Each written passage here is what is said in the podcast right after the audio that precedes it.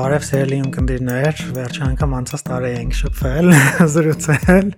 ինչպես միշտ ես եմ Samsung-ը եւ Armen-ը։ Պրիվետ։ Ողջույն։ Պրիվետ։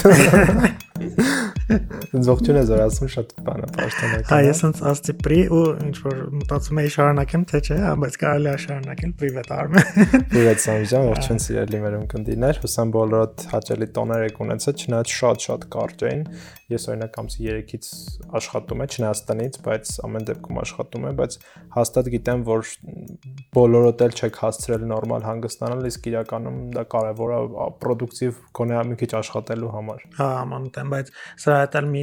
պոզիտիվ մի բան կա, որ այդքան շատ բարեկամներ էլ չեն գալիս հյուր նոր տարվա ընթացքում։ Դες իրականում ինձ թվում է միջև էտել չէին գալիս, մանավանդ վերջի մի քանի տարիների ընթացքում ես ինքս այնքան քիչ մարդ տուն եմ գնում ու այս տարի իրականում բոլորն էլ ասում են որ իրանց տունել են քիչ մարդ եկել։ Այդ իրականում շատ լավ է, վերջի վերջին տարին ընտանեկան տոնը եւ միմյանց տուներ, ասենց ասած գնալու եւ պարտավորված դինելու տոն չի էլի։ Հա, հա, ամենտեմ այդ առումով ոնց որ փորձում եմ դրական կողմեր տեսնել չնայած եւ մենակ է տա դրական կողմը։ Մեր կյանքում դրական բաները շատ քիչ են, ինչին էլ որ կա պետքա դա վայելել։ Այո։ Եվ այսօր էլ կխոսենք կարևոր իրադարձություններից, որոնք որ էլի ցավոք սրտի այդքան դրական չեն, կամ կարելի ասել ընդհանրապես դրական չեն, բայց ամեն դեպքում դրանց մասին իմանալը կարևոր է։ Հետաքնող լրագրողներից Head podcast։ Տարին նոր է սկսել, ընդամենը մի քանի օր է անցել, բայց շատ արդեն թեժ է քաղաքական կյանքը սենցիառում է, հատկապես արտաքին քաղաքական վերջին շաբաթներին բոլորիս ուշադրությունը Լաչինի միջանցքին է ուղված, իսկ Լաչինի միջանցքը շարունակում է փակ մնալ մինչ օրս եւ որևէ հույս էլ չկա, որ առաջիկայում ինչ որ կարա այդ բլոկադան բացվի, մանավանդ վերջին այդ հայտարարությունը, որ բարձրավոլտ էլեկտրական գծի հետ կապված վթար կա Արցախում, շատ կապի ինտերնետ կապի շատ մեծ խնդիր կա գծային ինտերնետի հետ կապված այդ խնդիրները շատ լուրջ են հատկապես։ Հա, մարդիկ էլ ասում են, որ 3G-ն այնքան ծանրաբեռնված է, որ նորմալ չի աշխատում։ Էլ չասենք սննդի դեղորայքի հետ կապված այդ խնդիրները, որ այսօր Արցախում Հա, ես ապրող մարդիկ ուղղակի շատ կրիտիկական է այդ վիճակը։ Ես sense բայտակ որ մտածում եմ Արցախում այդքան մարդ առանց ինչ որ ամենատարական պահանջների հոգալու, հա, այսինքն ուտելիք եւ այլն։ Ու ու չգիտես ինչքանատ են շարունակվելու։ Չգիտեմ ոնց են ապրում, իհարկե շատ, հա, չգիտեմ։ Շատ տխուր ու շատ հոգին ծանրացնող ինչ որ իրականություն է։ Եվ վերջին, այսպես ասած, օրերին շատ ակտիվ էին մեր երկրի վարչապետը եւ հարևան երկրի նախագահը, ովքեր հերոստանգերություններին Ադրբեջանի պարագայում իսկ Հայաստանի պարագայում լրատվամիջոցներին հարցազրույցներ, այլ շուտ մամլո ասուլիսներ տվեցին։ Հունվարի 10-ին Նիկոլ Փաշինյանը 3 տարի պաուզայից դաթարից հետո դեմ արդեմ մամլո ասուլիս տվեց, կառավարությունում էր տեղի ունենում այդ մամլո ասուլիսը, մի քանի հետաքրքիր փաստեր, որոնք Փաշինյանը ամեն դեպքում արտահայտեց, գլխավորը որ ամենաշատ այսպես ասած ռեզոնանսն առաջացեց նույնիսկ դա այսպես ասած գլոբալ քննարկման առարկա դարձավ սկսած Ռուսաստանից վերջացած Միացյալ Նահանգներով Դա հապկ զորավարությունների չեղարկումն էր Հայաստանի Հանրապետության տարածքում։ Ի սկզբանե ասվում է Փաշինյանը նշեց մեկ զորավարության մասին, անխախտ եղբայրություն 2023 զորավարությունը, որը առաջիկան պետք է տեղի ունենար։ Ինչ անուններ են, չէ՞, ընտրում։ Անխախտ եղբայրություն, ուղղակի։ Անխախտ եղբայրություն, իսկ եղբայրություն բառը sense մի քանի ճակերտների մեջ կարելի ընդհանրապես վերցնել, բայց հետո մի հատ ուրիշ հետաքրքիր միտք ասեց, որ ընդհանրապես 23 թվականին ՀԱՊԿ զորավարությունը, որոնք պետք է տեղի ունենան Հայաստանի տարածքում, չեն լինելու եւ արդեն պաշտպանության նախարարությունը հապ քարտուղարությանը տեղեկացրել է սրա մասին։ Շատ այսպես չգիտեմ, ճակերտների մեջ էֆեկտիվ այդ արեց, հա, հապկի այդ չեղարկում է այդ զորավարությունների, որովհետև մինչև այդ բարձ չէր, չկար ինֆորմացիա դրա մասին, հենց սենց ասոլիսի ժամանակ ասաց։ Հա, ինքը ասաց դա, ընդ որում ասաց սենց մի տեսակ նեղացած տոնի մեջ, ինչը օբյեկտիվ է մի քիչ, երբ որ հապկը մաթեմատին չի տալիս, որևէ քալ չի անում, խոսքը այդքան Արցախի մասին չի, ինչքան բուն Հայաստանի սուվերեն տարածքի մասին, որևէ մեկի համար գաղտնիք չի Ադրբեջան Ադրբեջանը օկուպացրել է մեր մինչև 140 կիլոմետր, քառակուսի կիլոմետր տարածք։ Իսկ հապկը մաթեմատին չի տալիս եւ անհասկանալի ինչ որ մոնիթորինգային խումբեր ուղարկե, որի արած հետազոտության արդյունքներ չգիտենք մինչև հիմա հրապարակվան ենթակա է, ընդհանրապես հրապարակվելու է, թե չի հրապարակվել։ Ինչևէ, Փաշինյանն ասաց, որ պաշտպանության նախարարությունն արդեն տեղեկացրել է հապ քարտուղարությանը։ Իհարկե հապկն էլ մի հատ շատ անհասկանալի բան ասաց, սկզբում ասաց, որ իրանք տեղեկացվել են հաջորդ իսկ հաջորդ օրը իրենց մամլո խոսնակ Զայնեդզինովը հայտարարեց, որ մենք դեռևս Երևանի կողմից որևէ պաշտոնական ծանոթություն չենք ստացել, այստեղ հապկնել չի հասկանում ինքը ի վերջո չի կողմնաշվում իրենք ի վերջո ստացել են այդ ծանոթությունը, թե չեն ստացել։ Սա քննարկման առիթ հատկապես դարձավ այս հայտարարությունը Կրեմլում Պեսկովը, ով Ռուսաստանի նախագահի մամուլի քարտուղարն է, ասաց, որ իրենք դեռևս կճշտեն Հայաստանի մտադրությունները, հասկանալի է, որ ռուսական կողմի համար սա անակնկալ է եղել, իրենք չեն սպասում, որ Հայաստանը կարա հրաժարվի։ Իսկ այս 3 երեկոյան պետքարտուղարությունը net price-ով պետքարտուղարության մամլո խոսնակը հրաժարվեց մեկնաբանել այս լուրը։ Նա նշելով, որ խնդրում հարց ուղղել Հայաստանի կառավարությանը, որ เป զի իրենք շահադրեն իրենց մոտեցումը այս հարցի վերաբերյալ։ Ամեն դեպքում Փաշինյանի այս բանը հապկ երկրներում շատ մեծ արձագանքի էր առաջացրել։ Իդեպ հապկ քարտուղարության հայտարարությունը, ով նշում էր, որտեղ նշում էր, որ Հայաստանը պաշտոնապես իրենց չի ծանոթ, բայց իրենց համար հասկանալի է, թե ինչ իրավիճակի հիմա Հայաստանում ու ինչու իրենք չեն կարող ինչ որ չափով այդ լայնամասշտաբ զորավարությունները անցկացնել, քննադատության ենթարկվեց մեր ԱԳՆ-ի կողմից, ԱԳՆ-ն ասաց, որ քարտուղարությունը իրավունք չունի մեկնաբանելու հապկ հավաքական խորհրդի անդամ երկրների, այդ թվում նաև Հայաստանի, այսինքն դրանք են երկրներն, որոնք հապկին են անդամակցում դրանց բարձրագույն ղեկավարությամբ որևէ հայտարարություն Մեկ այլ բան է, որ շատ մեծ քննարկման առիթ հանդիսացավ Փաշինյանի հայտարարություններից, վերաբերում էր Լաչինի Միչանսկի մասին Փաշինյանի արտահայտած մտքերից, եթե շատ հակիրճ փորձենք ներկայացնենք, պիտի ասենք, որ նոյեմբերի 9-ի Երակոմ հայտարարության համաձայն 6-րդ կետով Լաչինի Միչանսկի վերաբերյալ իրավական պարտավորությունները դրված են Ադրբեջանի եւ Ռուսաստանի Դաշնության վրա եւ այստեղ Հայաստանի Հանրապետությունը Լաչինի Միչանսկը բացելու համար բանակ բանակցություններին չի պատրաստվում մասնակցել։ Փաշինյանը իր ասուլիսի ժամանակ ամբողջ պատասխանատվությունը նշած, որ ռուսական կողմի եւ ադրբեջանական կողմի վրա է Լաչինի Միչանսկը փակելու առումով։ Սրանց հետո նաեւ խոսեց ազգային ժողովի նախագահ Ալեն Սիմոնյանը եւ ասաց, որ նո ավելի շատ ոնց որ փակագծերը բացեց եւ բացատրեց թե ինչու Հայաստանը չի ներգրավելու Ադրբեջանի հետ Լաչինի Միչանսկի բացման հարցով բանակցություններին երկու կարևոր բան նշենք այստեղ կառավարության դիրքորոշումը հասկանալու համար առաջինը այն է որ հայկական կողմը նշում է որ Արցախի իշխանությունները ուղիղ բանակցել են ադրբեջանական կողմի հետ այդ բանակցությունները տարբեր փուլերում եղել են եւ մինչև վերջերս նույնիսկ Լաչինի Միչանսկը փակելուց առաջ անմիջապես կոնկրետ անուններ չնշած Ալեն Սիմոնյանը, բայց ասաց, որ իրենք խրախուսում են, որ այդ բանակցությունները շարունակվեն եւ հայկական կողմը պատրաստ կլինի ընդունել ցանկացած որոշում Արցախի ընդունած ցանկացած որոշում, բայց ասաց, որ այդ բանակցությունները ուղիղ շատ կարեւոր են եւ երկրորդ կետը, որ կարեւոր է, կապված է Զանգեզուրի, այսպես կոչված Զանգեզուր Միչանսկի հետ հայկական կողմի կարծիքով, եթե Հայաստանը որպես կողմ ներգրավի Լաչինի Միչանսկի բացման այդ վերաբերյալ բանակցություններին, ուղղակի ոնց որ խաղա Ադրբեջանի եւ Ռուսաստանի կողմից վարված խաղին, հա, կմասնակցի, որովհետև նշում են, որ նրանք անդադ փորձում են Հայաստանին ներգրավել այս բանակցությունների մեջ, որպիսի Լաչինի Միչանսկի բացման դիմաց ինչ որ նոր զիջումներ ստանան, կորզեն Հայաստանից ու հենց դրա պատճառով էլ Ալեն Սիմոնյանը նշեց, որ Միրզոյանը չի մասնակցել Մոսկվայում կայանալիք ԱԳ նախարարների հանդիպմանը, Ադրբեջանի, Հայաստանի եւ Ռուսաստանի ԱԳՆ նախարարների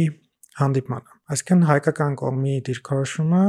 այն է, որ մենք ոնց որ խրախուսում ենք, որ Արցախը ինքնուրույն բանակցի Ադրբեջանի հետ եւ պատրաստ կլինենք ընդունելու ցանկացած որոշում։ Նաեւ եւ այս բնդումներին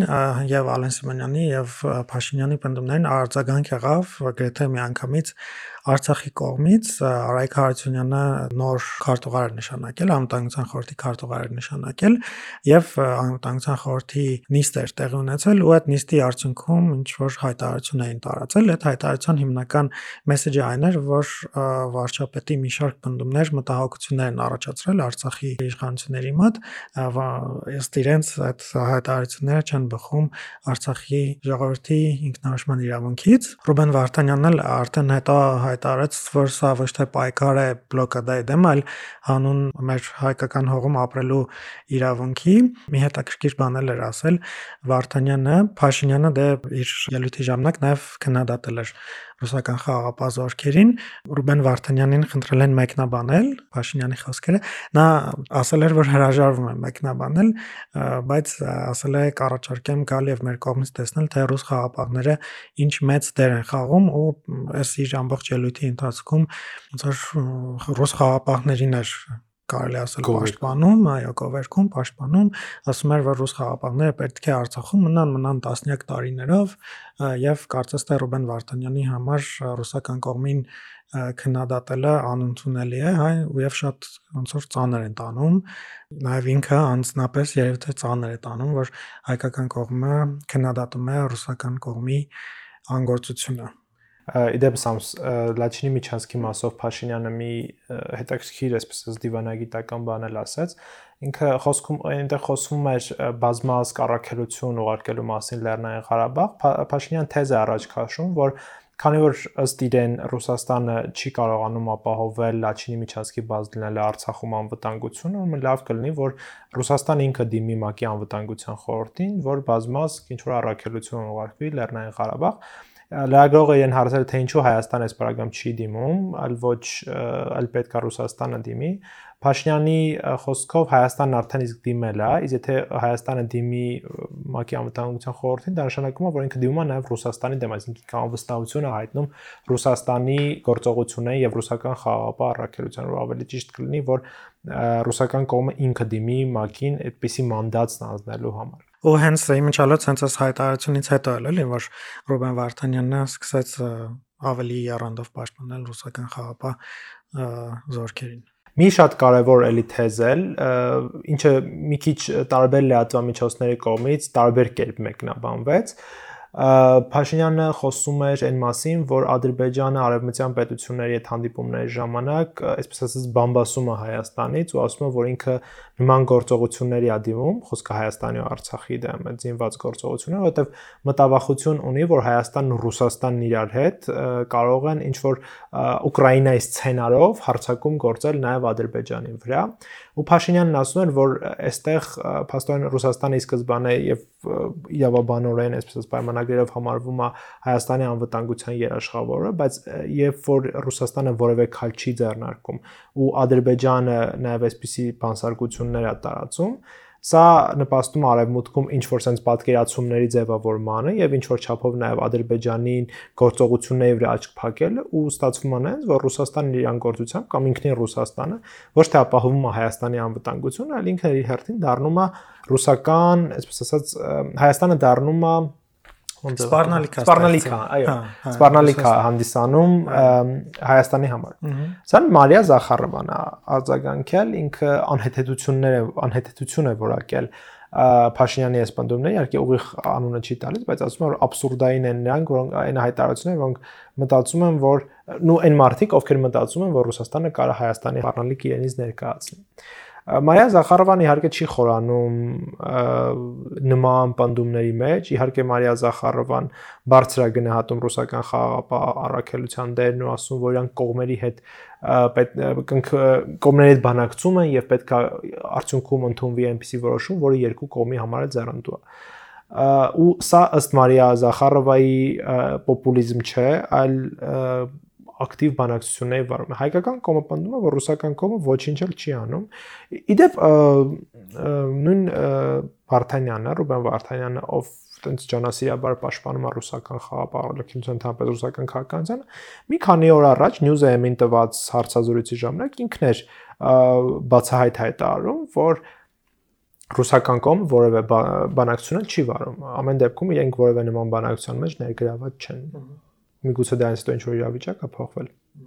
Ամեն դեպքում Փաշինյանն էլ իր ասուլիսի ժամանակ եւ մի քանի անգամ էլ նշեց, որ չնայած նրան, որ Արցախում ինչ որ կարծիք ձևավորված կարծիք կա, որ հայկական կողմը ուզում է Արցախի ինչ որ ճակատագիրը որոշել, բայց ասաց, որ նման նման նպատակ չկա եւ եւս մեկ անգամ խրախուսեց, որ Արցախը ուղիղ բանակցի, ինչպես նախկինում ադրբեջանական կողմի հետ։ Մի կարևոր բան կուզեմ նշեմ Փաշինյանի ասուլիսից, սրա մասին բազմիցս մենք խոսացել ենք մեր էպիզոդներում, հայկական կողմը շատ-շատ անգամներ նշել է, որ պատրաստ են գործընթացին, ըստ որի Ադրբեջանը եւ Հայաստանը կճանաչեն միմյանց տարածքային ամբողջականությունը,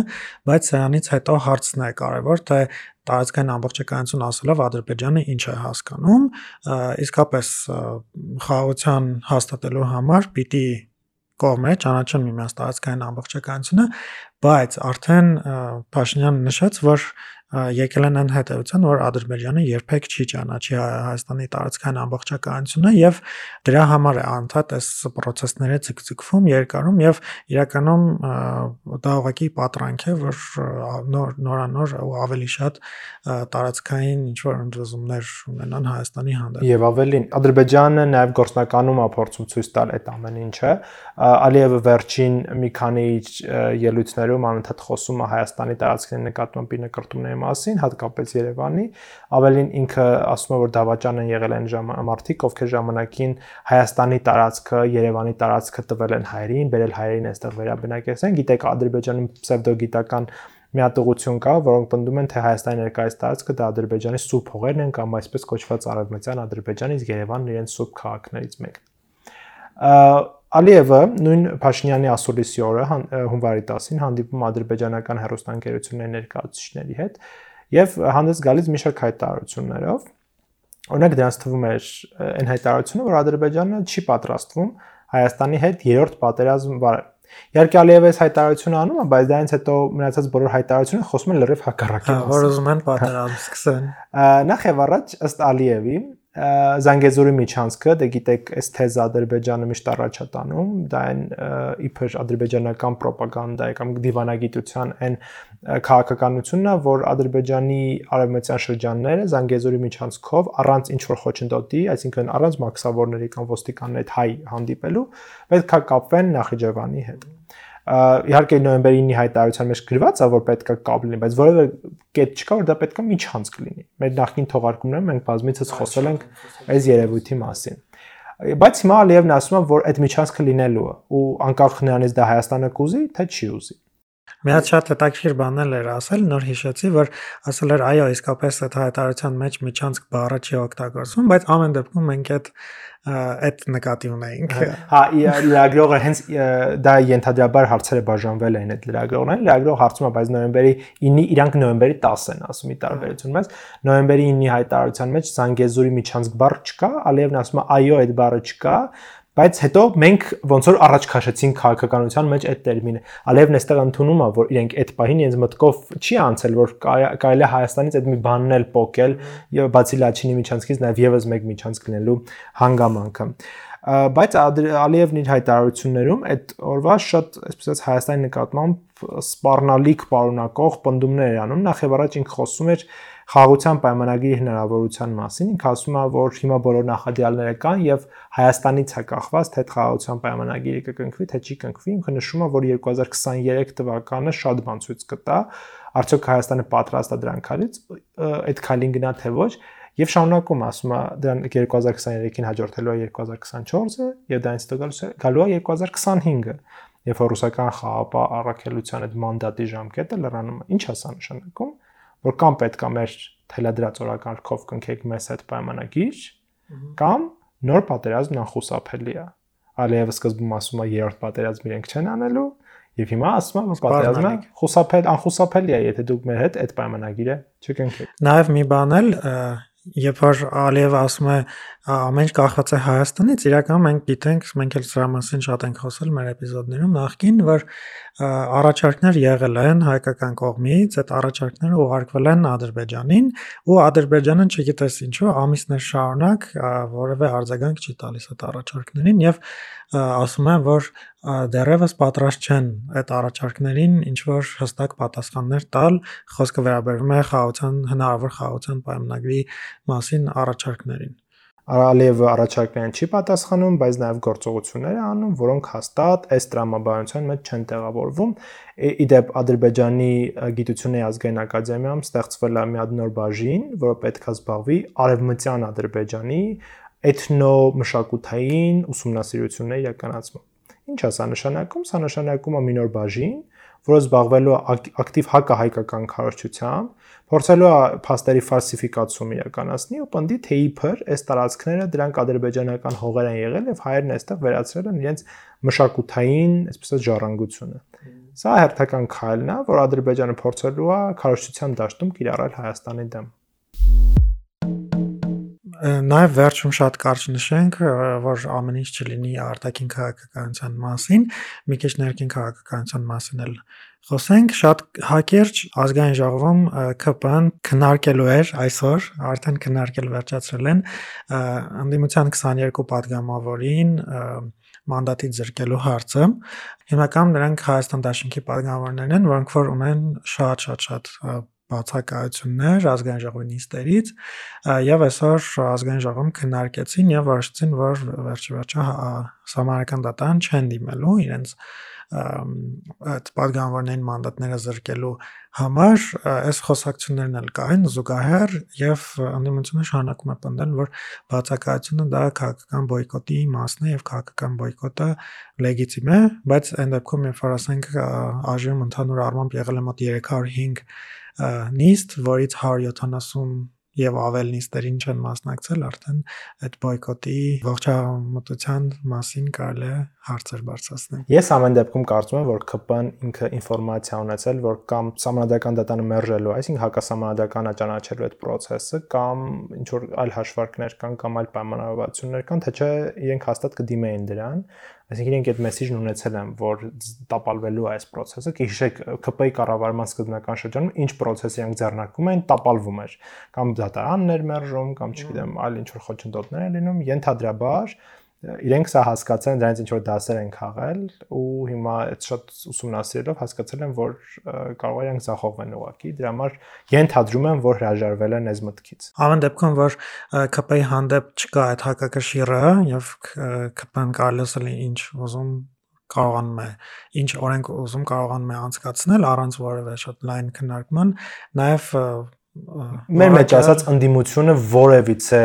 արդյունավետ գործունեություն չի ծավալում։ Դա ուզում ասեմ, որ որակյալ ընդդիմության բացակայության պայմաններում է, հա, նաև որ այսպեսի իրավիճակ է ստեղծվել։